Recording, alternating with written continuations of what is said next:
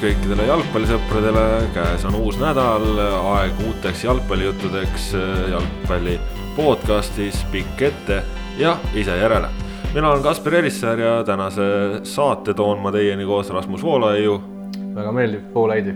Voolaidi ja Kristjan Jaak Kanguriga. tere täna teemadeks peamiselt kodus, kodumaa jalgpalli puudutavad asjaolud. alustame esimesele juulile kohaste uudistega. tänasel hetkel praegu, kui me seda podcast'i lindistame, on esmaspäeva keskpäev ja juba on äh, premium-liiga avanenud üleminekuaknaga tulnud nii mõnedki suured uudised. Läheme kohe siis selle kõige-kõige suurema uudise juurde, ehk siis Matvei Igonen, Eesti koondise väravaht, viimased poolteist hooaega Norras Lilleströmis pallinud mees on siis äh, liitunud äh, laenulepingu alusel FC Floraga. ja see tähendab äh, lühidalt öeldes seda, et FC Floral on uus esiväravvaht ja, ja Richard Aland, kes siin hooaega alustas tugevalt, aga kellel on nüüd viimasel ajal ka natukene väravaid löödud, on oma koha kaotanud. mehed, mis tunnetega te selle Igoneni uudise vastu võtsite, Rasmus? No esialgu tagantjärele tarkusena vist võib öelda, et kui oleme teinud üleminekuakna viimase päeva laivi, siis oleks pidanud täna vist tegema ka esimese päeva laivi. sest siin uudiseid on juba päris, päris, päris palju. aga kokku nüüd on Floral siis neli väravahti suisa ju, et eile, eile oli Poplavskis tribüüni peal, nüüd peab seal Poplavskise kõrval Lapa ka istuma tribüüni peal, Alant siis eeldatavasti praegu seisuga tundub küll vägisi, et äh, oli siin juba koondise kutset saamas, aga nüüd on, nüüd on langenud Flora, Flora teiseks väravahiks, et eelkõige tahaks teada, mis ta ise arvab, mis ta nii-öelda, mis ta sees toimub, eeldame, et ilmselt ta veel eile ei teadnud seda uudist suure tõenäosusega. kui ta siinsamas mingi viisteist, kuusteist tundi tagasi alles mängis sellesama, samal siin Paide vastu ja nüüd on, nüüd on siis sellised uudised. võib-olla samas on ka päris hea motivatsioonipauk, et võib-olla äkki, äkki, äkki oli langenud mugavustsooni natuke jah, kui sa küsid, et mis tunne meil on, siis ma arvan, et meil on parem tunne kui Alandil seda uudist lugedes et, et, et jah, noh, ta ju sai oma selle suure võimaluse ikkagi sel hooajal, olles eelmisel aastal noh, roppu ja, ja tänamatut tööd Pärnu väravas teinud, kus, tuli kogu aeg välja võtta ja noh, sellest hoolimata mängis seal hästi, sest täpselt motivatsioon oli, siht oli silme ees, eks ta ju teadis milline on Flora väravavahtide seis, aga, aga Flora seisukohast loomulikult jah, Viganen ikkagi noh, endine juba praeguse seisuga ja kindlasti ka tulevane koondislane, keda on siin Flora väravavahtide treener Raiko Orgla väga kõrgelt hinnanud ja põhjusega hinnanud tegelikult, et eks eks noh, me, me ju kõik oleme, kes, kes vähegi Eesti jalgpalli jälgib, oleme ju näinud, Igonen on noh, tegelikult on, on veider mõelda, et on alles kahekümne kahe aastane ehk noh, väravavahi kohta, seal on pool elu on ees alles väravas, väravas, et, et äh, noh, Norras käik jah, oli, oli pettumus, läks natukene selles mõttes pahasti, et tegelikult kui ta Norrasse läks, siis ta ju sai seal mängida kohe ja siis tulid vigastused. noh, nagu ikka väravavahi puhul, korraks soosingust välja kukkud, ega siis kerge sinna tagasi saada ei ole. temal loomulikult on mängunälg, Flora jah, arvestades seda, et, et vaevalt, et siin nüüd otseselt Alandi süü on olnud, et, et siin viimastes mängudes on, on järjest rohkem sisse endale ka lastud, kui hooaeg alustati väga hästi tegelikult just kaitse poole pealt.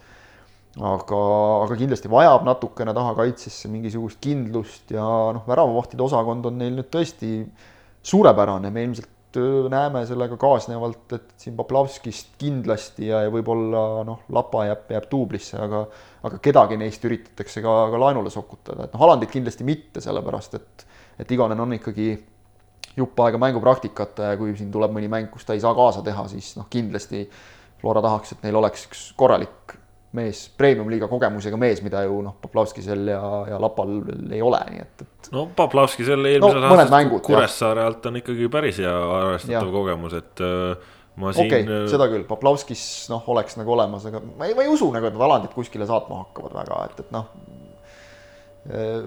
ei, ei ole nagu põhjust, et, et jah, ma loodan, et see ei ole nüüd uudis, mis, mis paneks pead norgu laskma, vaid, vaid sunnib Alandit veel rohkem pingutama lihtsalt jah, samas noh, selge on, on tõesti see, et äh, praegu nüüd Flora väravahtide osakond on äh, liiga tihedalt mehitatud, ehk siis äh, kellegi ruum sealt ära kadus ja ja noh, kui siin vaadata ka, et kuhu ja keda võiks nagu anda, siis praegu Eesti kõrgliigas on klubidel väravahtide osakonnas igal pool ikkagi väga hästi, nii et et kõrgliigas väga seda ruumi ei ole, kuhu kedagi anda. Mm, noh, võib-olla siin mm, Maardul vahepeal olnud siin kergeid muresid, kui siin Kassantšuki kõrval on Jakovlev mänginud ja, ja Maksim Zelentsov on ju, aga noh.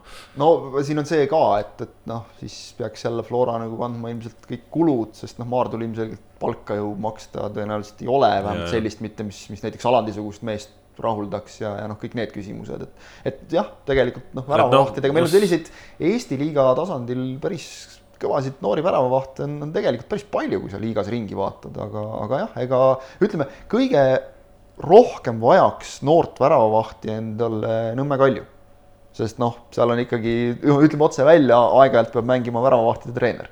ehk no, et, et see on viima... sama, kui Floral peaks Orgla aeg-ajalt postide vahele minema no., sest et noh Vi viimasel ajal ju mängibki Londak ja ma arvan, et mängib Londak väga selge põhjusega, sest Londak hakkab mängima ka euromänge ja nüüd on vaja talle seda praktikat anda, aga noh, tulevikku vaadates tõesti, Aland on ju, on ju selle Kaljuga tuttav ka, et jah, tuttav jah, ma ei tea, kas ta ise tahaks sinna väga tagasi minna või kui, kui avali kätega teda head või halvad?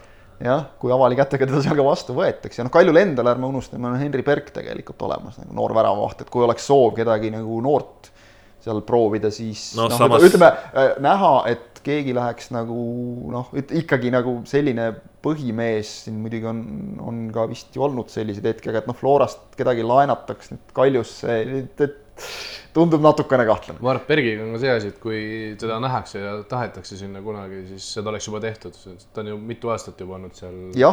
olemas nii-öelda. seda küll, et, et noh, me oleme rääkinud sellest ka, et Kalju võib-olla võiks natuke rohkem noortele anda võimalusi ja siis saab neid muidugi pareerida alati Tamme ja Kleini nimedega ja, ja kõige muuga, aga, aga jah, Berk ei ole oma šanssi tegelikult ju saanud ja. ilmselt põhjusega. ilmselt, ilmselt põhjusega just, et ega nüüd nagu jonni pärast ka keegi ei hakka noort head mängumeest pingile jätma just, aga siin veel, mis Igoneni puudutab, siis äh, noh, ei tohi ikkagi ära unustada, et, et tegu on praegu hooaja lõpuni kestva laenulepinguga, ehk siis tegelikult äh, Norras teda hinnatakse ja, ja see, et ta siia praegu laenule tuleb, noh, ongi, ütleme nii, et kui, kui Flora andis Tamme Lilleströmile, siis Lilleström oli nõus ka oma, oma poolt vastu tulema, et okei okay,, et las ta siis mängib, et meile on see ju ka kasulik, kui ta minuteid teenib ja eks nad kindlasti tahavad ka, et see praegune esiväravat Marko Maarits, kes on äh, erinevate Saksamaa klubide taustaga ja Viini Austrias ja, ja Poola kõrgliigaski mänginud, eks nad ja on ka võrdlemisi noor, et eks nad loodavad kindlasti tema ka ühel hetkel kuskile edasi müüa ja siis on nendel vaja esiväravahti, kelleks Igonen ju võiks sobida, sest tõesti, Igoneni leping siis järgmise aasta lõpuni kestab Lilleströmiga. ja ma ei saa jätta mainimata, et Marko Meerits võiks ka samasse klubisse minna, siis oleks suurepärane väravavahtide osakond aga jah, noh, kindlasti Igonen ei, ma, ma arvan ka, et tal ei jää see, ega see ei tähenda, et Eestisse jääb nüüd et see, et ta pooleks aastaks tuleb, et, et selles mõttes ka Alandil ei maksa siin nagu kohe kindaid nurka hakata loopima, et, et äh, Igoneni kõrval hea õppida kindlasti ja ja üht-teist, ma arvan, on õppida küll, kuigi, kuigi me täiesti sama vanuseklassi mehed, et et, et, et ma, ma loodaks ennekõike seda, et Igonen mingi stabiilsuse leiab ja, ja sel, selle nurga alt näitab end, et, et seda, et tal tohutult nagu sellist noh, talenti on, seda me nägime juba siis, kui ta siin kuueteistaastaselt hakkas, hakkas tipptasemel mängima ja, ja Infoneti eest kõige suurem probleem oligi just see, et, et ta ei, ebastabiilseks kippus natukene ja noh, kohati vist oli ka veidikene sellist no mis on ka arusaadav, et kui sa kuueteistaastaselt tuled, lööd jalaga ukse lahti ja ja veel väravavahi positsioonil ja hakkad asju tegema ja tegelikult mängid ka hästi, saad kiita, et siis noh, natukene võib midagi pähe lüüa, et, et eh, ma, ma usun, et, et selles mõttes tuli see Norra periood mängis või just isegi see, et ta ei mänginud seal, võib isegi tema mehistumisele veel rohkem kaasa aidata, ma vähemalt väga loodan seda, nii et väga huvitav on kindlasti Igoneni jälgida. me teame, et meil praegu tegelikult Eesti koondise väravavahtide osakonnas on ka selline noh, okei okay,, meil nagu praegu on Leppmets esinumber, aga ütleme nii, et, et koht on noh, võetav. Ehk et selles plaanis kindlasti Igonenil on ka, ma, ma olen täiesti kindel, et see siht on tal silme ees ta on ju koondise juures juba ka päris palju olnud, ehk et ta teab reaalselt, et noh, ega ta ei jää taseme poolest tegelikult seal nüüd kellelegi niivõrd palju alla, küsimus on lihtsalt kogemustes, mängupraktikas, stabiilsuses. ja, ja noh, mis Igoneni mehistumist puutub, siis nii palju, kui, kui koondiste juures on õnnestunud äh, mingil tasandil suhelda temaga, siis äh, julgen küll öelda, et äh, et võrreldes selle Infoneti algusperioodiga on ta ikkagi noh, nii-öelda täiskasvanud inimene ja, ja suhtumine tundub praegu ikkagi olevat äh, väga korralik ja ja noh, ma ei tea, aga samas siin see üleminek ikkagi noh, niisuguse, et noh, kui sa oleksid rahul oma väravvahtide osakonnaga, siis sa ei oleks teinud ju sellist lüket, ehk siis äh, see annab signa- signaali kindlasti. see, see annab kindlasti küll. signaali ja, ja kui me hooaja eel ju rääkisime hästi palju Flora väravahtidest, me rääkisime, et kas ikka ja küsisime sealt Flora seest ka, et, et kas olete ikka kindlad, et võtate omal väravahtideks kaks meest, kes olid eelmisel aastal kahe viimase satsi kiiprid. noh, siis Flora näitas seda, et jaa, oleme rahul, kõik on hästi, noored mehed, tublisti arenenud, aga nüüd, kui sa keset suve vahetult enne euromänge ikkagi tood nagu veel kõvema mehe, siis noh võib-olla siis tagantjärgi tarkusega, et ikkagi ei oldud päris rahul, et No eks siin tegelikult-, eks siin saame kuulda, et kindlasti saate Sokkernetist huvitav, lugeda ka oli talvel ka saadaval. asja, asjaosaliste. ma arvan, et pigem ei olnud, sest arvestame, arvestame ka seda, et talvel oli tegelikult täiesti reaalselt Marko Meerits laual. ehk noh, oleks Flora siis tahtnud, nad oleksid saanud võtta Meeritsa rahulikult. et, et ma arvan, et pigem noh, otsustati, et vaatame, kuidas hakkama saavad ja see, et nüüd tehti selline otsus, näitab ikkagi natukene kaudselt, et praeguseks on seisukoht muutunud. vot nii palju siis äh, Matvei Igonenist äh, saame siis näha, milliseks ta karjäär siin äh, Floras kujuneb, saame näha, milliseks kujuneb ka Poplavskise ja Alandi tulevik. tõesti, Eesti-siseselt on siis üleminekuaken juuli lõpuni lahti, aga tänane esimene pääsuke ehk siis äh, algas ka ikkagi kõik mõned tunnid varem ja, ja ka suure uudisega Paide linnameeskond teatas, et on sõlminud äh, pooleteistaastase lepingu Brasiilia keskpoolkaitsja Bruno Sousa Caprioliga.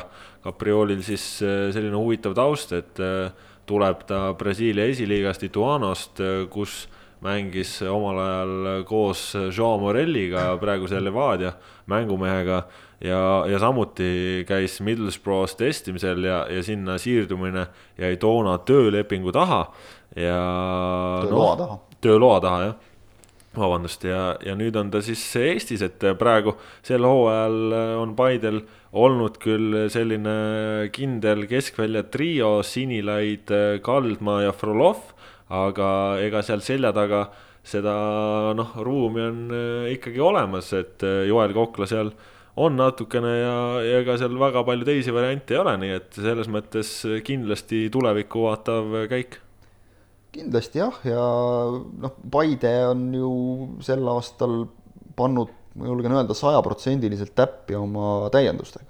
mis noh, puhtalt tõenäosusteooriat arvestades on ikkagi kõva saavutus, et, et noh, üks-kaks ikka aia taha lähevad tavaliselt. Isegi ei ole ju garantiid, et, et need head Eesti mängijad sul kindlasti nagu täpselt selle rolli välja veavad, mida nad on Paidel vedanud. Mööl, Toom, ülitähtsad täiendused olnud ja, ja samamoodi noh, see, see on ikka väga riskantne ju tuua sealt välismaalt neid noori, noori kiireid poisse käsi kullas või siis see teine variant sageli ja Paidel on olnud käsi kullas tegelikult. et näis nüüd noh, vist vähemalt esialgse info põhjal kohe praegu, kuigi ka meie oleme rääkinud sellest, kuidas siin Zanneh ja Jata ennekõike Jao puhul võib-olla natukene vähem, aga ei saa ka välistada, et ka tema millalgi kuskile läheb, et noh, niipea nad ei lähe ilmselt Paidel tegelikult seda sügavust noh, oleks vaja küll, sest et eilnegi mäng Floraga mõnes mõttes näitas ju seda, et äh, kui sul ei ole äärekaitset, Sanechit, sa pead kohe panema sinna Frolovi, see võtab keskelt midagi ära. Pink oli noh, ikkagi ütleme selline, et, et äh, ainult noori sealt tuua oligi, nii et äh, just seda meeskonna sügavust, seda on neil kindlasti vaja ja, ja see uus brasiillane, ma eeldan, et, et Bruno on siis see nimi, mille all ta noh, nii-öelda siin tuntuks saab, ma usun, et trennis kindlasti kasutatakse seda nime kõige lihtsam. et noh, nimetame teda siis, siis Brunoks praegu teadmata veel täpsemalt, millist nime ta ise eelistab. et, et see mees tundub ka olevat ikkagi väga hea taustaga, Ituano on Brasiilias üks ikkagi tugevaid klubisid. neid on seal hirmus palju, aga see süsteem on korralik, et ilmselt tal al algharidus on, jalgpallialane algharidus on tipp-topp. mees on olnud juba jupp aega Paides, nii et, et kindlasti on tal mängunälga, nii et no enne ei tea, sest et keegi meist ei ole seda meest mängimas näinud, aga, aga väga huvitav täiendus kindlasti ja ja üleüldse ikkagi näha, et Paide need sammud turul olid talvel ja on ka nüüd väga-väga mõtestatud, mainime kohe ära ka, et Edgar Turr on tagasi. ja see ja..., ja see tähendab, et äh, äärekaitsjates on nüüd probleemid lahendatud ja, ja seal on see mees no, võtta. uus probleem, konkurents. konkurents, jah. Aga, aga mingil määral kindlustatakse tagalat, mis on ka täiesti mõistlik, et, et noh Turr on ju ka selline tegelikult äärepoolikust äärekaitsjaks. no Turri pandud, potentsiaal kindlasti ongi ka, ongi ka mängida ääreründajana, kus ta on Infoneti aegadel väga palju mänginud ja. aga ja väga no, lihtne, väga lihtne ongi, viis. ütleme, et äh, Neemel on ühel päeval väsinud, siis on Jata tipus ja ongi Turr äärel ja juba ongi ka korras. kohe olemas, eks ole, ja, ja, ja kui nüüd tuleb keegi, lööb Sannechi eest rahapaki lauale, siis on ka nagu esmane tagala on kindlustatud, noh ühest mehest jäädi nüüd selles mõttes ilma ka, et, et mainime tema ka ära, Vladislav Sanfirov läks tagasi laenulepingult. Rico Reinoja ka, kaitseväkke. noh, Reinoja on ka tegelikult ju saanud peale, kui ma ei eksi, minu meelest sel hooajal mingi ühes mängus vist ikka sai, aga, aga Sanfirov on mänginud, Sanfirov on olnud nii-öelda selline noh, vaat et esimene valik natukene olude sunnil, Tanel no. Neubauer samamoodi, et aga noh, kõik need mehed on niivõrd kogenematud, Zanfirov on siin mõned täitsa tublid mängud isegi teinud, aga samas ma mäletan näiteks kaks-kaks mängu Paidel Viljandiga, kus ta alustas hästi, aga siis ikkagi mingites olukordades lõi lihtsalt no. see kogenematus välja no,, et, et noh, see, see on samm edasi, Turr on ikkagi eh, oma kvaliteeti tõestanud tegelikult ka ju praegu Bulgaarias väga korraliku pooliku hooaja teinud äh, Paide jaoks ülitähtis täiendus tegelikult. no ja ma arvan, et sa isegi ei saa öelda, et Sanfirov siin päris esimene valik oleks olnud, sest kui ta oleks nii hea olnud, siis ta oleks jäänud veel, et äh, kui ta laenulepinguga. no ta oli praegu... esimene valik olude sunnil. nojah, et praegu ta on ikkagi minema saadetud ja noh, see, ma arvan, näitab lihtsalt, et noor moiss ei olnud veel valmis, et et panustas tast nii, kuidas panustas, aga noh, mis veel seda Brunot siis puudutab, et äh, nii palju, kui on siin Paide inimestega suheldud, et nemad, kes on, on teda siis juba ka trennis ju näinud, et äh, Äh, noh, tuli selliseid äh, Reginaldi võrdlusi, ehk siis äh, võib oodata, et, et kujuneb väga kõvaks meheks, saame seda kõike näha, et see saab kindlasti huvitav olema. Rasmus, on sul midagi lisada selle koha pealt? mul on lihtsalt hämmastav enesekindlus, tuuakse, tuuakse brasiillane, keda, keda ise ei ole näinud, aga nagu on selline sügav enesekindlus, et see mees on kindlasti hea, aga see on see, mida Biden enda viimaste tegevustega on, on meile nagu mõista andnud, et äh, mina olin natuke skeptiline nende, nende osas talvel, aga nüüd ma olen nagu täiesti ümber veendud ja see, ma olen sada protsenti veendunud, et see on nagu kõva täiendus ja see on, see on, see on mängumees noh, aga veel, kuna siin on see üleminekuaken avanenud ja, ja eks me siis näeme, et kui palju neid teateid on juba selleks ajaks tulnud, kui see podcast lõpuks ka üles saab, et kas on veel uudiseid tulnud või mitte, aga, aga võime siin ju ka natukene spekuleerida ja, ja rääkida nii-öelda oletavalt ja, ja sellest, et mis võib saama hakata ja, ja noh, lühidalt öeldes ma arvan, tänase seisuga võib küll öelda, et saab tulema väga põnev üleminekuaken, sest äh, noh, sisuliselt on ikkagi tänase seisuga nii palju, kui, kui siin äh, ajakirjanikud otsapidi kuskilt infot on kuulnud, et ikkagi iga klubi on, on, on põhimõtteliselt asju tegemas, et. Äh, et noh, me siin teame, Levadial äh, on, on see ründajajaht käimas ja üks, üks noorhärra on siin juba mõnda aega olnud harjutamas, eilegi sai teda siin tribüünidel näha on pildid ka olemas Sokkernetsis? pilt, pilt ka olemas. saate et... näo meelde jätta kohe, no minu jaoks nagu see, et, et kui Aleksandr Rogic ja Sergei Boreiko vist vahel või igatahes kõrval. vahel vahel oli vist jah, istub, istub üks mees, noh siis nagu päris suvalist venda niimoodi sellisele mängule kaasa ei võetaks, ehk et äh, midagi see võib-olla näitab. no Pareiko ju ütles ka, et, et siin võib juba ka lähipäevil asju oodata ja, ja, ja. no ärme unustame, Floraga mäng on tulemas, nii et ideaalis võib täiesti juhtuda, et, et see mees juba mängib äh, Just. Flora vastu, see on ja, täiesti võimalik. ja toda sama meest ju Rasmus, kas sina nägid ka Kalevi mängul, kui Levadia mängis Kaleviga? Ei, siis oli teine mees. see, see oli nali, mis ma tegin sulle ah see oli mingi suvaline kilekotiga, kilekotiga vend oli sinna Levadia pingi kõrvale sattunud no.. no neid on ka vaja, pettemanöövreid Noh, no, et paned suvalise mehe ja siis Soker-net kolm päeva räägib sellest mehest ainult samal ajal tood teise ja teed lepingu ära. kavalad, tublid, tuleb kiita, Pareiko oskab. aga tõesti jah, kõik klubid tegelikult on ju, midagi on läbi käinud või vähemalt on, on vihjatud, noh isegi ütleme, Kuressaare siin oli võib-olla kõige kidakeelsem, aga ütles ka, et midagi nad kindlasti teevad. no Kuressaare puhul äh, võib öelda, ma arvan, nii palju nagu etteruttavalt, et eks see suund saab äh, endiselt olema tippklubide noored, et. Äh, tippklubi tee okei, aga eks, eks me näe, noh, seni on jah, Floraga olnud, on tugevad sidemed, mis on ka mõistetavad täiesti pole selles ka midagi halba. Äh, hakkasin just praegu mõtlema, et, et, et Poplavskis on nüüd isegi see võimalus on nagu ära võetud, et isegi Kuressaarde tagasi ei saa, seal on ka üks Flora mees ees. Lapa samamoodi. jube raske. Lapa tahtis ju ka minna sinna talvel või no kas yeah. tahtis, aga nii-öelda oli minemas. nojah, ei no see, noh, selles mõttes on ka loomulik nagu, et, et noh, me ju teame, et, et olude sunnil siin mõned ka nii-öelda Tallinnast väljaspool asuvad meeskonnad, neil on mingi oma treeninggrupp Tallinnas, et, et noh, need on nagu esimesed valikud, eks ole. kohe, ma ei tea, Narva või, või Maardusse ei taha kolida isegi Maardu noh, trennides on, on päris pikka aega Eesti publikule väga tuttavat Jasper Uvaeg-Pulammi näha olnud, et noh, ilmselt läheb asjaks. Maardul on ka ülihädasti, on, on tegelikult noh, lihtsalt on mehi vaja selles suhtes, et seal, seal see pink on ikka olnud ka jälle vist viimases mängus oli ka neli vahetusmeest, kui ma ei eksi, ja varuväravavahti jälle ei olnudki, nii et, et noh, see on Maardul on nagu kõige rohkem selget probleeme, teised no. noh, alati ei pane seitset vahetusmeest välja, aga, aga noh, enamasti või kui minnakse võõrsil mängule, ütleme nädala sees, noh siis on ka selline treeneri väiksem valik, duublimäng mõjutab seda kõik see, aga noh, Maardul on lihtsalt, lihtsalt ei ole mehi no ja kaitsesse ka ju Vlad Žurilkin äh, tulemas, ehk ja, siis. Äh, ja Gri Erik Grigorjev samamoodi, nii et tegelikult noh, kolm. kuigi Gri Grigorjevi osas siin on natukene, on vahepeal need jutud nagu natukene nihkuma läinud, eks saame siis näha, kas nii on, aga, aga noh, Žurilkin igatahes kindlasti. Žurilkin kindlasti jah, sest et noh, ta on lihtsalt oma selle füüsise ja noh, nagu armastab öelda üks jalgpallisõbrast Äh, kultuurikriitik või siis vastupidi, et presentsi on tal nagu olemas täiesti.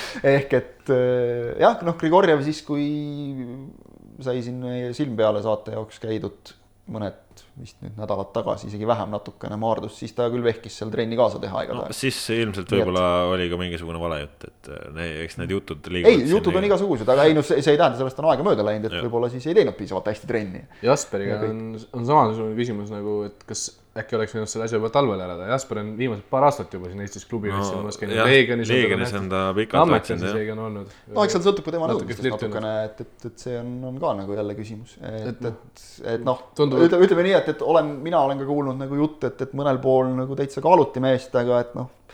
tahtis liiga palju ta,. tahtis liiga palju, et, et noh, eks need asjad siin ka loevad tegelikult, aga, aga jah, edasi minnes noh, tulevik on teinud juba ühe liigutuse ära, kui Mark Edur ametlikult nüüd ka oma mängijaks vormistati, ei kuulda enam nüüd Levadiale, vaid, vaid Viljandi tulevikule, mis ka igati loogiline.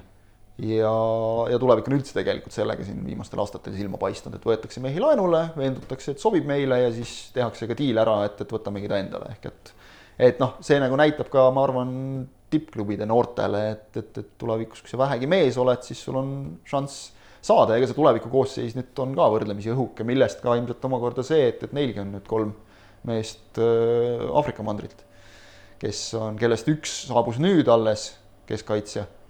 nii et tema on noh, nagu selline kõige tundmatum suurus vist natukene ka nende enda jaoks, aga aga, aga ütleme, et, et minu teada mingil määral natukene Paide eeskujul on noh, eks need tabeli teise poole klubid peavad olema loomingulised, sest see on selge, et sa seal rahapakiga ei löö, tuleb neid otsida ja, ja, ja noh, on, on leitud kohad, suunad, kust on, on võimalik leida mehi, kes annavad juurde. no ja see Paide suund ka, sest äh, üks nendest kahest äh, noorhärrast, kes on juba siin äh, oma vist kaks kuud äkki või, või umbes noh, ikka pikka aega on tulevikuga treeninud, üks nendest kahest ju oli pool aastat testimisel Paide juures, ehk siis side Paidega on seal lausa päris otsene, et Paidesse ei võetud, aga aga tundub, et tulevikku võetakse ära ja ja noh, kui siin me juba tagu, tabeli tagumise otsa juures oleme, siis noh, Ragnar Klavan ise on öelnud, et Kalevi osas tõenäoliselt võib asju oodata ja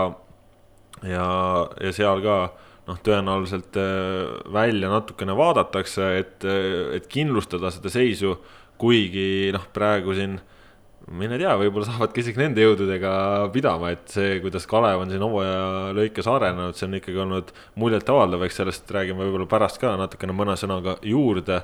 no ja kes meil siis äh, siin veel on, et no, Narva Trans teeb kindlasti et äh, siin on, on ka. on vast lubanud kõige suuremat karusselli, vaatame, kas see ka teoks saab. jah, et äh, Transil on räägitud nii lahkujatest, on räägitud juba meestest ka, kes seal harjutamas on, ennast näitamas. et äh, Trans kindlasti teeb. noh, Nõmme Kalju arvatavasti ikkagi siin euromängude mõttes ka midagi kaalub. no euromängude mõttes ja kui me siin Paidet kiitsime, siis hämmastav, et tegelikult noh, ikkagi nagu paremate ressurssidega Kalju on ju, on ju tegelikult näiteks Eugen Zassavitši ja, ja Hector Nunesiga ikka noh, ütleme otse välja nagu totaalselt puusse pannud, et üks juba läks, teine noh, ütleme, võiks ka selles mõttes minna, et sul ei ole mõtet hoida välismängijat selleks, et ta sul äh, esiliiga B-s duublis mängiks, see on täiesti, täiesti mõttetu, ma eeldan, et ta ei tee seda ka aitähi eest ja tasuta, nii et, et noh see oleks igati loogiline samm ja, ja selle arvelt jah, juba euromängudeks võiks tuua kedagi, ka arvestades seisu liigas võiks tuua kedagi, kui on soovi medalitele mängida, sest noh, Paide on ikkagi näidanud hooaja esimese poolega, et, et okei okay,, nende siht on olnud neljas koht kogu aeg, aga, aga medal täiesti reaalne. Nunnes on ikka täiesti hämmastav selles suhtes, eelmine aasta vaadati teda, saadeti minema see aasta vaadati, kaks kuud vähemalt vaadati teda, nagu väga pikalt vaadati teda. ta oli nagu kuidagi selline noh, paanikaust nagu kuidagi oli, natukene, et peab mingi mehe võtma, et noh, aga kummaline. no ilmselt, ilmselt oligi see, et oli kogu aeg olemas, toome parema, siis võtame tema, aga ei toodudki kordagi paremat, ei leitud kedagi paremat. no ja treeningmängus tegelikult ju mõned väravad lõi ka no,. mõned et... liigas ka löönud, aga ühe vähemalt jah, aga, aga noh, üldiselt ikkagi vaadates seda jah, et, et ta on rohkem mänge on teinud duubli eest kui põhimeeskonna eest, siis noh ei ole mõtet välismaalast selle jaoks hoida.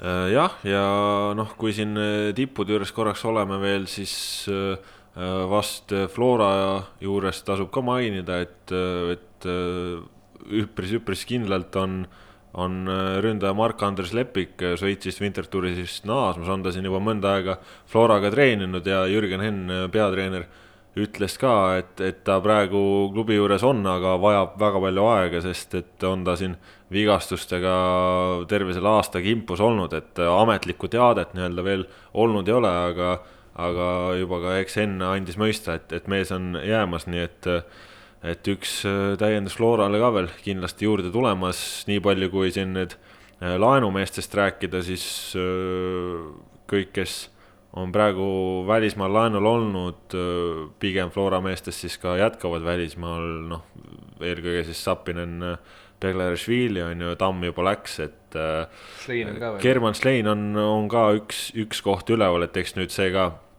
lähiajal hakkab selguma, et kus ja mis, et et Schlein kindlasti tahaks idee poolest jätkata ka välismaal, saame, saame näha. Lepikust tahtsime seda öelda, et no kuradi kahju on sellest aastast tegelikult, et no ta sai küll välismaa kooli vähemalt, no kindlasti see nagu noh, annab juurde, et on, on, on juba olnud välismaal, aga tegelikult ikkagi aasta põhimõtteliselt ju laias laastus läheb raisku. jah, et noh, loodame ka, et, et ennekõike nagu Igoneni, et oli selline mehistumise aasta, et, et tal nüüd see noh, ikkagi ütleme negatiivne kogemus kuidagi nagu jalgu alt ei löönud ja, ja ega Floras on praegu sisemine konkurents on päris kõva, et, et kuidas sa mängid koosseisust välja mehe, kes kaheksateistkümne vooruga üheksateist väravat on löönud, kerge ülesanne. pingi peal veel kusjuures ju tegelikult. jah, jah. Jah, ja eks neid äh, lahkujaid, äh, kui, kui ka nende poole vaadata, siis eks neid tõenäoliselt äh, Florast tulla võib.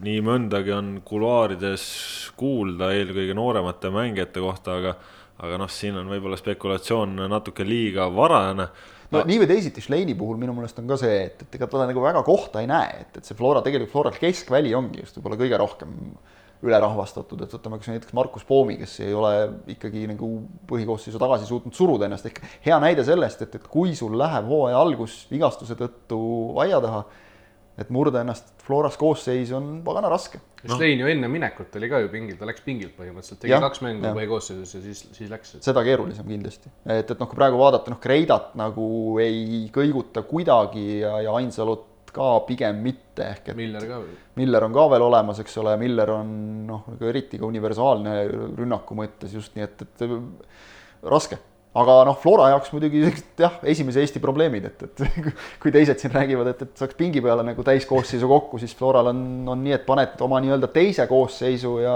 noh, võib-olla taga, tabeli tagumise otsa vastu õnnestub isegi sellega võit ära võtta, nii et, et, et jah, luksus. ja vist ainus klubi, keda me praegu ei ole maininud, on äh, Tartu Tammeka. Äh, eks saame näha, kas siis nemad ka teevad midagi. no Koskor. tead? on ikkagi põhi küsimus ja koht ja, ja oleme ausad, Tammekal ikkagi keskkaitse. Sest et. sinna oleks vaja ühte meest juurde. sinna oleks ühte meest vaja, sest tundub, et, et noh, vähemalt praegu Kaido Koppelil Franklin Okoye suhtes enam mingit usaldust ei ole. eks tema tulek oli ju ka täpselt selline natukene nagu sa ütlesid, nunjes, eks ole, et, et noh, vaadati, prooviti meest, saadeti minema. Okoye oli ju ka nii, et, et me olime nagu juba vist, me, Koppel ise ütles, et, et ei, me ei võta seda meest talvel ja, ja siis avastasime tiimi foto pealt, et ohoh, kes siin tagareas on, et. sellega oli see asi, et seda järsku ei olnud enam, siis me, siis me ise arvestasime, et no järelikult, kui meest enam ei ole testimisel, et siis on nagu kõik, kõik. ja siis Koppel, Koppel ise ütles veel, et aga no ta on meil nagu veel nii-öelda olemas telefonikõne kaugusel põhimõtteliselt. no ja, ja, ja noh, leitigi, et täpselt, et meest on vaja, keskkaitsesse võeti ja Kim Sairinen on sel hooajal mänginud. me teame, eelmisest hooajast tema taset on lati alt läbi pannud ikkagi, ütleme otse tegelikult, välismaalase kohta, kes peaks olema omadest parem. Kevin Anderson on pigem olnud see kaitse tugitala, aga, aga noh no pigem võib-olla, pigem võib-olla on ikkagi Tammekal puudunudki kaitsetugidalad, et see on. jah, noh jah, okei okay,, jah. No tõsi on ka see, et no ja. Anderson tuli tagasi ja nüüd on tulemas. jah, seda küll, ei seda küll, et praegu on Anderson hästi mänginud no,. Tammeka probleem oli, nagu me teame, me oleme sellest palju rääkinud oma saadetes ka, et Reio laabus, noh, eks ole, ja, ja seal olid pigem mured ja ja, ja mingisugune enesekindluse kadumine ja kõik need asjad, aga, aga ei oleks vaja kindlasti, ma usun ka, et Tammeka vaatab ringi küll. jah, ja noh, eks jah, mis Koskarit puudutab, siis äh, enne, enne kui ta ei ole äh, nii-öelda registreeritud äh,, seni ei saa kindel olla, et Just. äh, siin äh, Koskari osas äh, tema ümber käinud saagad on siin, ma arvan, Eesti jalgpalli ühed huvitavamad olnud sel aastal ja, ja noh, võib-olla võtavad veel huvitavamad pöörded, eks seda saame näha. aga nagu näeme, siis Reinkolt lööb väravad ära, nii et ei ole probleemi. just nii palju siis praegu ülemineku juttudest, äh, läheme nüüd põgusalt ka mängude juurde, ehk siis selle juurde, mida nädalavahetusel tehti ja peame alustama ikkagi pühapäevast, ehk siis Flora tegi Paidele uut ja vana, ehk siis võitis neid neli-üks, kuigi Paide läks juhtima, noh, ütleme nii, et Paide mäng ei klappinud väga mitmel tasandil ja kui Zaha Vaiko lootis vaheajal kahe vangerdusega uut jõudu juurde saada, siis äh, see ei õnnestunud ja asi läks võib-olla pigem isegi hapumaks, ehk siis äh, Paide jaoks jälle selline maa peale tagasitulemine. ma vaatan, Karl Mööl on pannud Instagrami just siin äh, natuke aega tagasi pildi, kus, kus pildi mängust, millel on lausa must raam ümber, et väga halb päev kõigi klubide, klubiga seotud inimeste jaoks, no võib-olla nii traagiline ka ei olnud, aga, aga noh, jah, see noh, ühtepidi maa peale tagasi, teistpidi ma ei tea, kuidagi Paidel endal jäi ka ikkagi millestki nagu väga puudu, et Flora tegi väga hea mängu ja, ja võttis kõik, mida pakuti, aga Paide pakkus ka natukene liiga palju Paide, Paide parim mees, neli väravat tuli ikkagi väravat, ma ütleks eile, et no, see on sama, sama, mida me oleme nagu Eesti koondisel ka rääkinud, et et Mait, Mait Toom oli eile oli pinge, kõrgendatud tähelepanu. kõva, kõrgendatud tähelepanu ja kõva pinge all. Äh, mina ütleks, et pidas sellele pingele vastu igas mõttes tublilt. ja ega nüüd noh, jah, nelja väravat, noh, okei okay,, kolmanda puhul, mille Sorga lõi, lõi, noh, natukene võib hakata norima, et, et oleks pidanud tõrjuma ma ei tea, üle otsajoone või, või paremini püüdma Konstantin Vassiljevi kauglöögi. esiteks oli see Vassiljevilt väga hea löök, teiseks Sorga jätk oli ka lihtsalt väga hea. kaks esimest löödi nurka Toomile väga täpselt. Ühte nurka ja teise nurka. ette ja taha. ette ja taha nurka igale poole, aga need ei olnud tema, tema süü, pigem ta tassis selle üks-üks värava hetkeni, tassis, tassis mitu korda Paidet ja, ja neljas noh, oli oma värav, nii et, et see õnnetu, õnnetu juhus täiesti.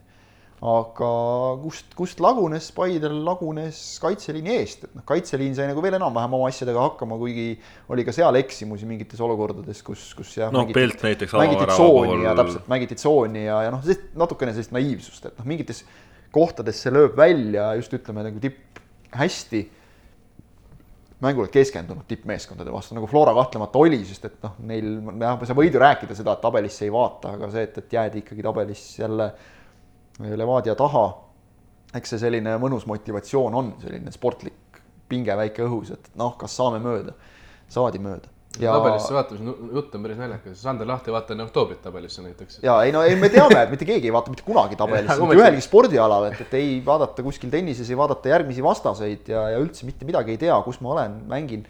Lähen mängin siin selles hetkes olen, no jah, tore, hea jutt, usume, usume. aga, aga eks seda noh, juttu peabki rääkima. Et, et Paide lagunes jah, sealt kaitseliini eest kus.... ei pea, Kristjan. noh, jah, okei okay ei pea tegelikult, sul on õigus, aga saame aru, miks räägitakse. Paide lagunes jah kaitseliini eest, kus, kus tegelikult ka ilmselgelt Vjatšeslav Zahovaiko nägi probleemi, tegi poole ajal kaks vahetust, need paraku muutsid asja veel hullemaks, ehk et siis lagunes mäng täielikult. ja, ja noh, võib-olla oligi natukene see koht, et, et kui sa tood sisse Joel Kokla, kes ju näiteks tegi mõned voorud tagasi Levadia vastu väga hea mängu, just sealsamas poolkaitsja, alumise poolkaitsja positsioonil Flora harutas ikka niimoodi selle asja lahti, et oli harutatud kohe teise poole alguses ja, ja noh, seal, seal oli klassivahe, mida tegelikult nagu mängijaid üks-ühele võttes võib-olla nüüd nii suurelt ei peaks olema. ehk et Paidele näidati hästi ära, et, et te olete väga tublid, aga te ei ole veel medalimeeskond, rõhutan veel. see ei tähenda, et Paide ei võiks selleks. pärast tänast võib-olla juba on. noh, jah, võib-olla juba on. Ja see ei tähenda, et Paide ei võiks selleks hooaja teises pooles saada. Teine mäng, äh, mis pakkus võib-olla samamoodi palju intriige, oli Tartu Tammeka Nõmme Kalju null-null viigimäng. Kalju jäi kuivale, Karl-Juhan Pehter püüdis Lilju penalti ja Tammeka on uuesti jalad alla saanud, Kalju ikkagi jätkab nii, nagu nad on seni mänginud, ehk siis natukene kuidagi sumbuurne on see, on see rünnak jah, kui võtta olukordade kaupa, siis, siis ma ütleks, et äh, seda võitu oleks pigem väärinud kodumeeskond. sest kuigi Tammeka siis. jah, kuigi, kuigi palli valdamine oli kuskil seitsekümmend, kolmkümmend, siis, siis äh, Kalju lihtsalt laias laastus kiigutas seda palli seal kolmekümne meetri kaugusel väravast ja või isegi veel kaugemal. tegi oma klassikalise ühesõnaga. Nad olukordi põhimõtteliselt laias laastus ei olnud, Pehteril mõned tõrjed, puri, puri pealelöök ja ja Markovitši läbiminek. just, just, see oli väga ilusti seinasööduga mängitud, siukseid asju võiks, võiks ju palju rohkem, siukest sirgjoonelist minekut, kaks sööta ja. ja, ja on ju olnud äh, Kalju Frantsevi käe all väga sirgjooneline. ja, ja see ongi nagu hämmastav, et meestel ju klassi on selliste asjade tegemiseks, et, et mille taha see siis jääb, et ei, ei õnnestu. Müstika, muidugi noh, nüüd tahaks ka kuulda huvi pärast nagu kõrvalt Kalju treenerite arutelu selle osas, et kelle me penaltit lööma paneme järgmine kord, sest nüüd on vist, mis nüüd on, neli penaltit järjest eksitud minu meelest. terve Premiumi liiga eksib Uche, kogu aeg. Uche kaks korda, nüüd Liliu ja enne seda Paide vastu veel äh, Puri ka. Äh, ja, ja noh, vähemalt need eelmised kolm ei maksnud punkte Kaljule, see nüüd maksis, nii et, et ega, ega Liliu, noh, okei okay,, kiidame muidugi Karl-Juhan Pehterit, kes tegi tubli tõrje, püüdis lausa tõesti penalti, mis on haruldane, aga see oli ka ikka päris halb löök ausalt öeldes. ja, ja tõesti, nagu sa ütlesid, kogu premium-liiga ma hakkasin huvi pärast vaatama, et, et kui palju siis nüüd viimasest, tegelikult isegi kui seesama puri penalti ka veel sisse lugeda, viimase nüüd siis viie vooru jooksul, kui kuue siis, kui võtta see puri oma ka, viimasest üheteistkümnest penaltist premium-liigas sisse on löödud kolm. nüüd, nüüd eile oli kahest üks veel juurde, Kalev pani kahest üks eile. jah Kalev ka veel, nii et no okei okay.. kolmeteistkümnest neli või? kolmeteistkümnest neli, no ükskõik, noh ei lähe paremaks ei lähe paremaks see protsent, kolmeteistkümnest neli, noh, see on nagu, halb. jah, aga minnes äh, siit edasi, siis äh, Kuressaare ja Narva Trans äh, mängisid äh, laupäeva õhtul ka sellise väga põneva matši. see lõppes ka viigiga üks-üks äh, Trans läks võõrsil küll mängu juhtima ja olgu siin äh, podcast'i raames ka öeldud, et kui Ott Järvela eelmisel nädalal ütles resoluutselt, et äh, Trans kindlasti stardib äh, mängupäeva hommikul, sest mäng oli laupäeva õhtul kell seitse, siis tegelikult Trans startis eelmisel päeval, ehk siis mindi juba reedel Saaremaale. kasutame võimalust, et Järvel on ära ja ütleme, et ta ütles ka väga resoluutselt, et Kalju võidab Tammekat kindlasti, nii et teeme oma järeldused sellest ta, tal on õnneks võimalus järgmistes saadetes mulle no, vastu, ju, vastu panna, nii et. ta ju rääkis suure suuga, kuidas Barcelona Liverpooli ka võidab no vot, näed. et võib-olla võib-olla tasubki seal Prantsusmaal pikemalt olla natukene. On- ammutab mingit jalgpallitarkust. Järvel on saadetud asumisele Prantsusmaale naiste jalgpalli MM-ile tõesti. rõhutame mitte karistuseks halbade ennustuste eest, vaid sellepärast, et naiste jalgpall on väga hea. ja kuigi ennustustega seoses, siis nüüd ta on äh, järjepidevalt langenud ka Betsafe ennustuses äh, Vipid versus Järvela. ja kuni Barcelona Liverpooli mänguni ta juhtis ja pärast seda ongi langus toimunud. karmane.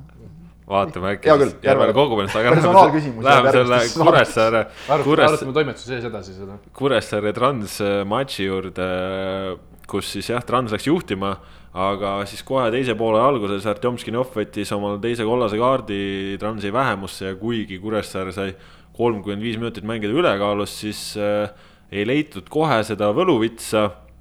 Äh, Märten Pajunurm jättis realiseerimata penalti, mille Marko Merits tõrjus jalgadega keskelt. Ja, ja siis lõpuks ikkagi Sander Laht äh, nii-öelda päästis päeva ja üks-üks ehk siis noh, see mäng näitas taas, ma ütleks natukene võib-olla Transi sellist ebakindlust, võib-olla natukene äh, imelikke lähenemisi taktikas või just see, kuidas kaitsefaasis toimiti, oli, oli minu jaoks natukene veider, oli ka kaaskommentaator Aivar Poolaku, Poolaku jaoks natukene üllatav, ehk siis Trans noh, mängis, seal oli noh, oli näha, et seal on idee, aga, aga see idee ei, ei töötanud sel määral ja noh, kui sa tuled Saaremaalt ühe punktiga, siis kahtlemata nemad, nemad rahul ei saa olla ja nad on praegu ikkagi seal viiendal kohal äh, päris kaugele maha jäänud Paidest, ehk siis äh, ehk siis ütleks püüdmatult maha jäänud ikkagi juba. noh, tundub natukene jah liiga et, et, et kui Xiomini, Xiomin sai treeneriks tulles ülesandeks äh, lõpetada hooaeg neljandana, siis äh, noh, ma arvan, et Xiominit me järgmisel aastal küll ei näe, et no Paidet, Paidet et- peab ikka mingi täielik krahh tabama selleks, see ei, see ei eelda ju ainult Transilt head mängu, vaid Ott vist eelmises saates arvutas, et noh, see on ju põhimõtteliselt punkt ja voor, et noh, see, see ei ole reaalne. See on aga Xiomini puhul on minu meelest selle vooruga said ühe punkti järgi muidugi. no vot, jah, hakkab tulema, hakkab tulema. punkt per voor. jah, punkt per voor hakkab tulema. aga Xiomini puhul minu jaoks on, on veidikene kummastav just see, et, et noh, ega ma, ma ei tea ju, ma teen ju oma järelduse nagu mängude pealt ainult, aga et, et ta ei tundu olevat treener, kes kui me võrdleme näiteks Adjam Kuzjajeviga, kes, kes väga aktiivselt juhendas isegi Valeri Bondarenko, noh, Kaspar, see Kalašnikov samamoodi. et, et Xiaomin on pigem selline noh, jälgin distantsilt, et lasen mängijatel endal tegutseda. Ei ole kindel, et, et Transil praegu nagu oleks võimalust seda endale lubada, et, et see oleks õige lähenemine, nii et, et noh, kui sa ütled, et Xiaominit me järgmisel hooajal ei näe, ma ausalt öeldes üldse ei välista seda, et, et me ei näe Xiaominit ka selle hooaja lõpus enam No mis oleks muidugi suht et- pretsedenditu isegi Transi kohta no nagu nii on palju vahet. jaa, et, et nagu nii palju aga- sa lõpuks ei, ei saa vahetada, et, et kuskil on nagu piir ka, et no jaa, aga noh, Xiaomi on kolmas praegu, eks. Xiaomi Jah. on kolmas praegu jah. et noh, noh, alati saab Bondarenko, mis tal oli siis? seitsmes oleks. seitsmes tulemine jah, see on ka alati variant. aga no praegu ei ole näha sellist, mida ma vist juba eelmine kord ütlesin, et, et ma, ma nagu ei näe, et see Xiomini tulek oleks toonud seda uue treeneri efekti. No ta ei ole toonud, okei jah., see praegu see mäng oli ka nagu selles mõttes raskelt hinnatav, et kui sa teise poole alguses juba jääd kümnekesi, noh siis seal hakata nagu tegema mingeid järeldusi on keeruline, aga nagu sa ütlesid, tegelikult esimese poole jooksul tõesti oli näha seda mingit taktikalist noh, muutust, mis samas nagu tundus kuidagi natukene selline jällegi Browni liikumine veidikene väljakul, et, et noh, ei, ei saa käima kuidagi, kuidagi ei saa käima. aga, aga sinna just eelkõige ongi hädasti stabiilsust vaja, ehk siis äh, ma ei tea, kuidas nad selle leiavad ja, ja kindlasti ei, ei kadesta praegu Narva mehi, et äh, seal on ikkagi väga palju tööd teha ja, ja seis on raske, aga noh.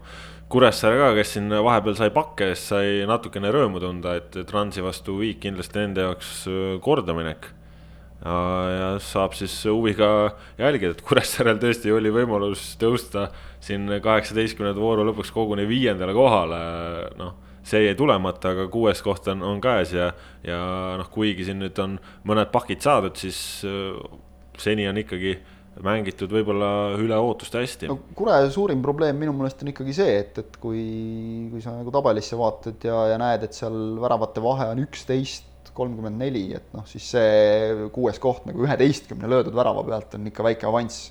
üksteist on ka Maardul viimasel kohal ja, ja, ja kui Maardu on siin noh, näiteks noh, selgelt ka pakke korjanud, siis, siis ega keegi vähem löönud ei olegi. Tallinna Kalevil ka kolmteist löödud, nii et, et et see, see noh, lüüa ikkagi kaheksateist vooruga üksteist väravat, no raske. peaks vaatama, kas Kuressaare on üldse niisuguseid tühje väravaid a la kaks-null võidumängud, mitte üks-null võidumängud, et või on nüüd nagu kaotusmängudes väravaid, et kas iga väravaga on teenitud punkt näiteks? no kui vaadata, et kui vaatad, et neil on neli võitu ja viis viiki, siis siis on see peaaegu jah, nagu selles suhtes, et siis nagu tühja ei ole läinud, et selles mõttes õige, et ei ole mõtet tühja paugutada nagu noh, sa vist, sa vist ise ütlesid eelmine kord, et, et Kuressaarega nagu natukene ja see ei ole üldse nagu halvasti mõeldud, kuidagi natuke nagu selles mõttes valib mänge ka, et, et noh, nagu Ott rääkis, jah, kes sellest rääkis. Et, et ega, ega see ei ole üldse selles mõttes vale taktika, et, et noh, sa tead, ongi need kindlad mängud, kus tuleb punkte võtta ja, ja nendeks keskendutakse, noh, kui on keegi väikse traumaga hädas, antakse puhkust natukene, et, et ütleme, Kure on olnud võib-olla sel hooajal kõige pragmaatilisema, mitte isegi mängustiili, aga nagu lähenemisstiili esindaja kõrgliigas ja ma ei leia üldse, et see nagu halb oleks. me näeme tabelist, et see on töötanud reaalselt. me näeme, tabel, tabel ei valeta, see toimib üks äh, üllatus pärineb veel äh, pühapäevast äh, ja ma julgen seda ikkagi üllatuseks nimetada. Tallinna Kalev alistas kaks-üks Viljandi tulevikku ja tulevik kahtlemata noh, favoriidina sellele matšile vastu läks, aga, aga Kalev on, ma ei tea, mida voor edasi, seda, seda küpsemalt, seda küpsemalt need poisid seal äh, Sanja Dmitrijevi käe all mängivad ja noh, nüüd ka selline väärikas tasu ärme unustame, et, et mõnigi mees on praegu uues, U seitseteist koondise juures. kolm meest lausa, jah? jah, kolm meest ja, ja, ja noh, mõnigi neist nagu täitsa selge põhimees olnud, nii et, et väikesed kaod jälle. aga noh, see oli mäng, kus, kus tulevik raiskas hirmus palju. ja, ja noh, vana hea jalgpalliklassika, ise ei löö, sulle lüüakse. loomulikult natukene jälle furoori tekitas ka Valemusse Alli, kes olevat seal eh, pisut võib-olla tuleviku poolt vaadates liiga kergesti mingites olukordades kõhuli läinud, samas muidugi noh, tuleb selles mõttes kõhuli või mitte, aga Sander kui..., Sander Post ütles ka, et, et penalti, mille, mille Musta teenis, see oli õige, noh ja siis ongi, teenid penalti ja, enne seda lööd veel ise värava, siis on ja, ju, on ju mäng on tehtud, et ja värav, mille ta lõi, oli hea, ehk siis noh, ütleme, et, et kukud või mitte, aga noh, ütleme siis see on ka kaitsjatel, et no ära siis torgina. just, ei no see, see on see klassika nagu jah, lihtne et, et tegelikult jah, siin sellest voorust ju nägime ka selliseid andmata penalteid, noh, meenub siin pühapäevast, kus äh, Mait Toom läks äh, Sorgale tagant jalgadesse ja ta jalgadesse läks ja seal pallipuudet ei olnud ja noh, minu mõistus no, ütleb, et. Sorgal vedas, et ta sealt tõsisemat vigastust. minu mõistus ütleb, et see on penalti, kui austusväärselt kohtunikud ütlevad, et, et see nii ei olnud, siis noh, võib-olla nii on, on. Gert Kons tahaks võib-olla isegi Kristo Tahvriga vaielda natuke sel teemal. diskuteerida. tema tahtis teisel teemal. aga ta tahaks sellega, ma arvan, oleks ka nõus no,. oleks olnud, jah, õnneks ei muutnud nagu et midagi no, mängu lõpptulemust. just, aga noh, kus ta tegelikult mängu lõpptulemust võis natukene mõjutada, oli ju Saaremaal, kus ja. ka Tanel Tamberg lihtsalt läks vastast maha võtma olukorras, kus no,, kus pall oli peale. astus juurde ja lükkas mehe pikali, noh aga, aga seal jah, see, see moment jäi, jäi kohtunikel ka märkamata ja noh, eks siukseid asju juhtub ja. ja, ja no samal ajal Trans jälle seal nagu torises, et penalti, mida küll ka jälle taas muidugi sisse ei löödud. Äh, et noh, see olevat jälle olnud seal natukene pehmelt antud, nii et no, eks, eks, eks me, eks me peame arvestama seda, et, et noh, iga, iga penalti puhul, noh, peaaegu iga penalti puhul on seda seletamist mõlemalt poolelt päris palju, aga, aga, aga sul on õigus ja et, et noh, Mussa on ka seda tüüpi mängija, kes, kes noh, nii-öelda mõned mängijad on sellised, kes mängivad noh, ka nagu natuke nii-öelda ma ei tea, varba peal joostes või kuidagi liikudes, et neid tasakaalust välja viia on hästi kerge. Mussale peale vaadates sa näed, et teda niikuinii on suhteliselt no teda on niikuinii suhteliselt, ta on isegi tegelikult selles mõttes väga tubli, et, et ta on, ta on päris, päris pisike. aga, aga see, et ta muidugi sellistes kehakontaktides kukub, noh, eks see ongi jälle kohtunike töö nagu seda ära hoida, et, et et näita mulle mängijat, kes tänapäeval kontakti peale kastis ei kukuks, nii et, et noh, nagu sa ütled, jah, see on, eks see on kaitsjatele lihtsalt on nüüd pool aastat siin mänginud, kõik peaks temaga tuttavad olema, et, et ära mine näppima siis lihtsalt. no vot, nii palju sellest mängust ja, ja sellest viimasest mängust, millest me ei ole rääkinud, me väga palju ei räägi ka, Levadia alistas kuus-üks Maardu linnameeskonna, Jean Morelli lõi kübaratriki ja, ja rohkem see mäng sõnu ei vaja. noh, Maardu sai värava kirja, ütleme sellega ära, palju õnne ja lähme edasi Läheme edasi selle juurde, et äh, selline väike soovituste rubriik äh, siin äh, enne, kui läheme uute teemade juurde, ehk siis soovitame teil vaadata rahvusvahelist jalgpalli. kolmapäeva esimestel tundidel toimub Copa Ameerikal suur-suur lahing Brasiilia, Argentiina ehk siis oodatud vastasseis Copa Ameerikaga on küll jah sedasi, et Eestis legaalselt seda vaadata ei saa, aga kindlasti meie kuulajad on piisavalt nutikad ja leiavad interneti avarustest üles sobivad äh, lahendused, kuidas seda mängu jälgida. just, et see mäng on küll keset ööd, aga, aga kahtlemata see duell on lihtsalt selline, et äh, see vajab vaatamist. ja mida veel soovitame, soovitame jälgida nüüd sel nädalal naiste maailmameistrivõistluste poolfinaale. Lyonis need toimuvad, Inglismaa USA ja Rootsi-Holland, Ott Järvela on siis tõesti nagu juba öeldud, ka seal asumisele saadetud ja kõik eh, eksklusiivselt eh, teieni sealt eh, Prantsusmaalt toob. ehk siis kindlasti jälgige seda ja, ja neid matše saab ERR-ist ka vaadata. jah, ma korraks veel põikan selle nende eelmiste turniiride juurde, et see Aafrika rahvuste karikas, mis ka käib tegelikult. Gold Cup ka käib Gold Cup käib, noh, Gold Cup on vaata et kõige vahvam, Madagaskar ja kõik need asjad, et, et äh, vaadake Aafrika rahvuste karikat, vaadake Gold Cupi, mis seal olid, Haiti oli seal, et Madagaskar, Haiti, siuksed vahvad lood on nendel turniiridel kõigil. aga noh, ütleme jah, Madagaskar veidikene nagu päästab seda Aafrika rahvuste karikat, sest nad ei oska enam väravaid lüüa Aafrikas, imelikul kombel.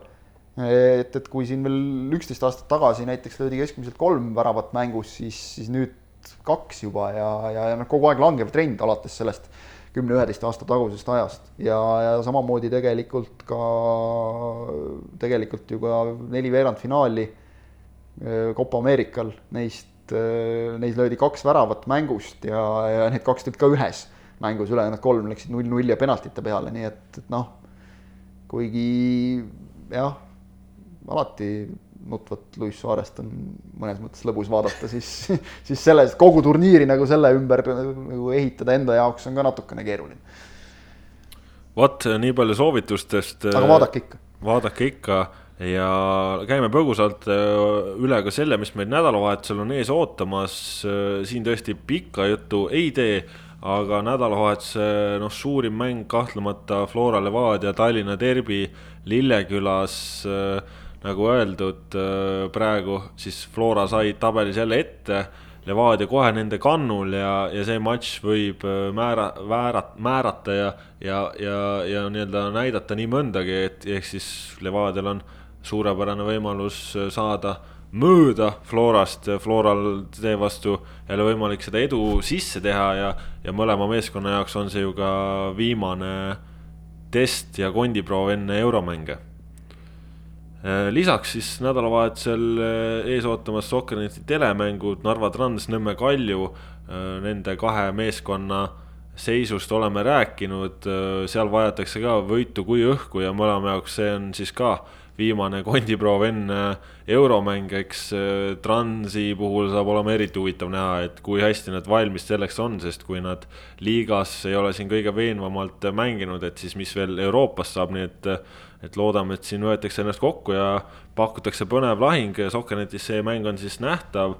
lisaks on meil ülekanne Tulevik Tammeka mängust, Tammekast nagu juba rääkisime, nemad on tõusvas joones, tulevik sai nüüd jälle sähm-, sähmaka nii-öelda külma vett krae vahele.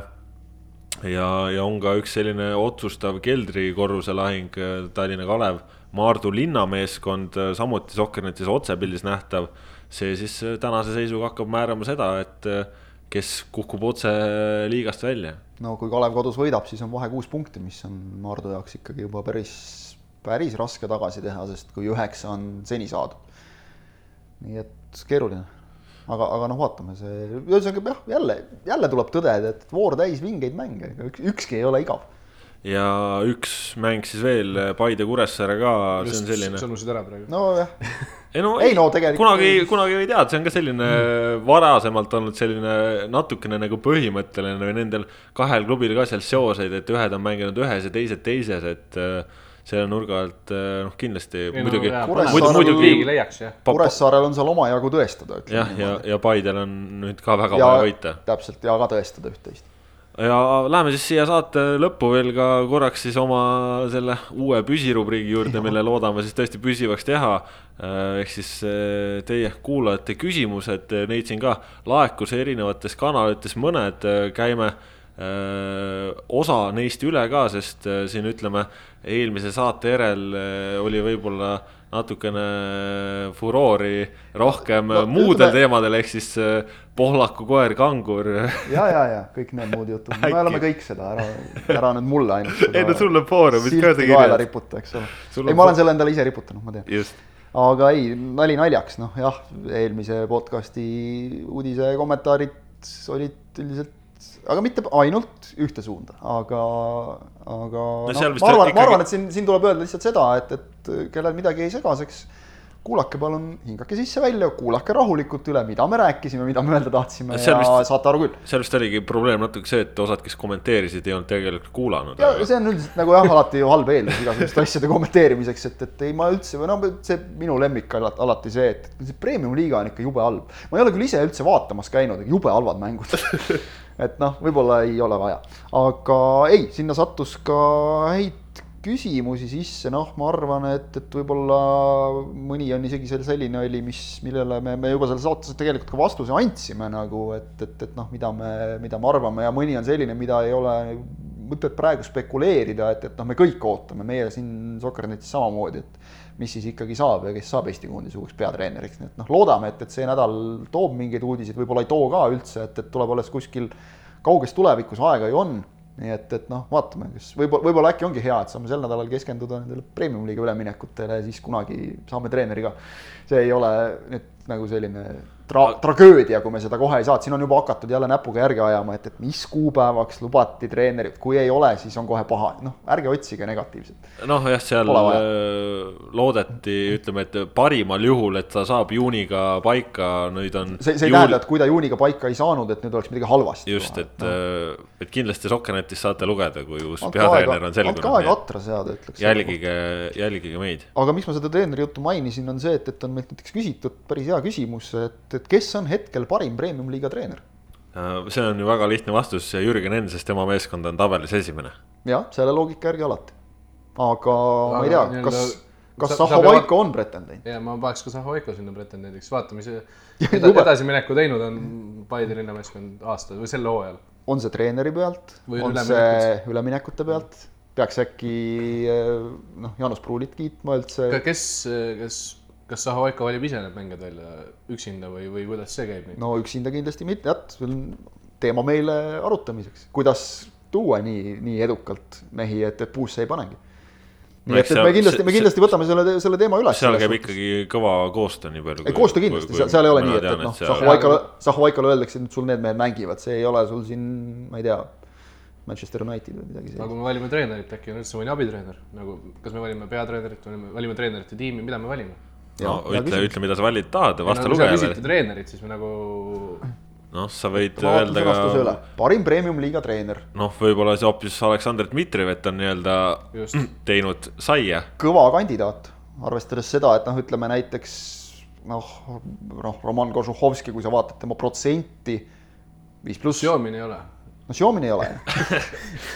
Kui sa vaatad näiteks noh, Kožuhovski jah, puhtalt tulemusi, statistikat, väga hea, samas ma üldse ei kiirustaks rääkimata tulemustest nüüd hindama meest, kes ei ole hooaja algusest olnud, vara veel, hooaja lõpus võime küll jah, talle hindeid anda juba. Praegu noh, ja, ja mängupilt sinna juurde väga selline kahetine.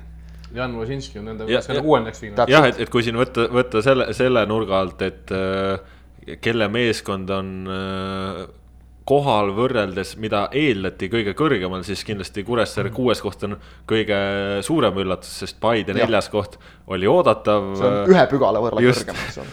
et äh, noh, jah, ei, ütleme niimoodi, et, et kui noh, vist võib siis nüüd öelda, et meie jaoks sõelale jäävad, jääb siis kolmik, Zahhovaiko, Vožinski, Dmitrijev.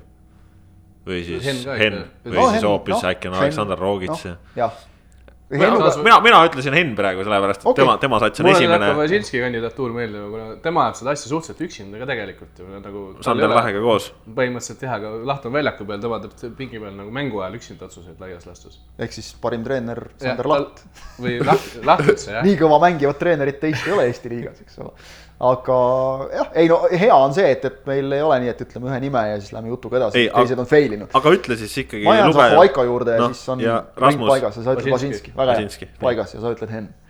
ja, ja siis veel selline küsimus, millele on muidugi nüüd keerulisem vastata ja, ja noh, spekuleerima peaks, aga et kui suured võivad olla mängijate ja treenerite palgad Eestis. seda noh, eks sellest on siin varem kirjutatud No. no., noh need, ka need lood on olnud paratamatult, nad on ju spekulatiivsed, et, et noh, midagi räägitakse, ütleme siin on tippklubides paljud mängijad on, on kaubelnud endale välja ka, ka mingid sellised väiksed eridiilid, eks ole, sest me teame, et noh, klubile midagi laekub koondise esindamise eest, et, et vahel mängitakse need asjad kuidagi ümber, siis, siis noh, mõnes, mõnes klubis nagu pannakse rohkem rõhku boonustele, ütleme, eks ole, selge on näiteks see, et et, et eurosarjades mängivad klubid peavad ka natukene jälgima seda, et ütleme, saate siis boonust nagu eurorahadest, kui me saame edasi, kui ei saa edasi, siis on ka sellel oma tulemus, tagajärg. et, et väga keeruline on niimoodi öelda. no siin on üks lihtne vastus on öö, stipendiaadid, mis need no, summad on, et nelisada, viissada, kuussada või on need kolmsada, nelisada, viissada? minu meelest kuuesaja, neli, viis, kuus minu meelest. neli, viis, kuus, noh, stipendiaadid saavad nii palju ja, ja ega see ega, ega Ja mõned see tavaline nii-öelda noh, väga suur osa ju mängijaid ei saagi palka, ehk siis äh, liigas on meil ikkagi amatööre päris palju, siis on selliseid diile, kus on, ütleme näiteks võiduboonused, mingisugused summad, siis on äh, siin väikesed hüved, et äh, saad kuskil mingisuguse söögi omale keresse või, või mingid muud, et sa ei peaks nii-öelda ise peale maksma. tasume ka, tasub ka seda väga nagu vaadata, et näiteks noormängijate puhul see on väga oluline, et võib-olla isegi mitte niivõrd see summa, mille sa kätte saad, vaid see, et, et kui palju klubi sulle annab, noh, ka isegi tegelikult me räägime ka Eesti tippklubide puhul, et mõni klubi võib-olla ei anna isegi noormängijale veel nagu vormi tasuta, et noh, ka see tuleb välja osta klubist ja, ja tõesti, nagu sa ütled, just see, et, et kui sa saad näiteks iga päev korra või, või mõnel pool isegi võib-olla kaks nagu sooja sööki, noh, see, see on ju sportlasele nagu eriti, see on tegelikult ikka kuu lõikes päris arvestatav noh, kokkuhoid, eriti kui ütleme, on noormängija, kes, kes võib-olla elab veel, veel kodus ja, ja, ja noh, üleüldse nagu, et sul, sul nagu on ikkagi mingi sissetulek tänu sellele, mida isegi natukene võib-olla kõrvale panna, et, et noh, see, see võib-olla ei ole nüüd, eks ole, rikkaks saamise mõttes tähtis, aga see on, see ma eeldan just nagu emotsionaalselt, et sa teed tööd ja sa saad selle eest ikkagi väärilist tasu, et, et noh, see ega, ega muidugi noh, see on selge, et, et äh, siin võib-olla mõned aastad tagasi, kui meil siin Lindpered ja mehed mängisid, noh siis äh, siis nemad said ka tõesti küsida märkimisväärset palka. No see- arvan- et selles- selles see lagi see- on see- tulnud natuke allapoole vastus on ju selles suhtes lihtne, et profimängijad, nii palju kui meil neid klubides on, üldiselt see palk on Eesti profimängijatel ühe ja kahe tuhande euro vahel Just. ja on üksikuid erandeid, kes saavad rohkem. Ja- ja- ja noh, siis noormängijad- see on ammendav vastus ja ja, ja ka treenerite puhul kehtib, kehtib see, seesama, et äh, aga noh, seesama arvestame neid stippe, et ütleme, et kui sa maksad kuussada ja kui klubi saab sealt omalt poolt veel noh, mõned sajad juurde panna, siis annab tegelikult ju kokku juba sellise täitsa korraliku tulemuse. no eriti ma arvan, kehtib see just nende tabeli teise poole klubide jaoks või siis ütleme noh, kolmandast, neljandast allapoole, kellel eurorahasid pole sest et noh, leida ka Eesti just väiksemates linnades seda, seda raha, et seda nüüd palgaks maksta, noh, see on, see on keeruline, et võib-olla see on põhjus, miks need palju kirutud kompensatsioonimehhanismid on, on tegelikult üliolulised. sest, sest lihtsalt muidu juhtubki see, et, et üheksateist, kaheksateist, üheksateist aastane mängija vaatab, et no nii, et nüüd ma peaks ülikooli minema, midagi tegema hakkama, noh, selge, tööle, sest muidu ei ela ära lihtsalt. vot, selline oli tänane ja treenerite palgad, noh, me vist võime ära öelda, et Aleksandr noh. saab kõige rohkem ja siis tulevad teised. et äh, see treeneritega jah, see ongi, see on sama suurusjärk, et seal äh, ega nad suurt raha ei saa, aga üritavad ära elada ja noh, ütleme, et äh, amatöörklubide eesotsas on ka jah, rohkem sihuke noh. väga palju missioonitunnet on selles, nii et palun mitte alavääristada selle tõttu ja, ja veel noormängijaid, mis puudutab, paljud ju tegelikult ka teevad kõrvalt näpuotsaga treeneritööd. see on olude sunnil. Vot selline oli siis äh, seekordne saade Pikk ette ja ise järele. tänase saate tõid teieni Kaspar Elissaar, Kristjan Jaak Kangur ja Rasmus Voolaid. kuulake meid äh, ikka igal nädalal äh, Spotify'st, SoundCloud'ist, kust iganes soovite. aitäh, et olite ja kuulmiseni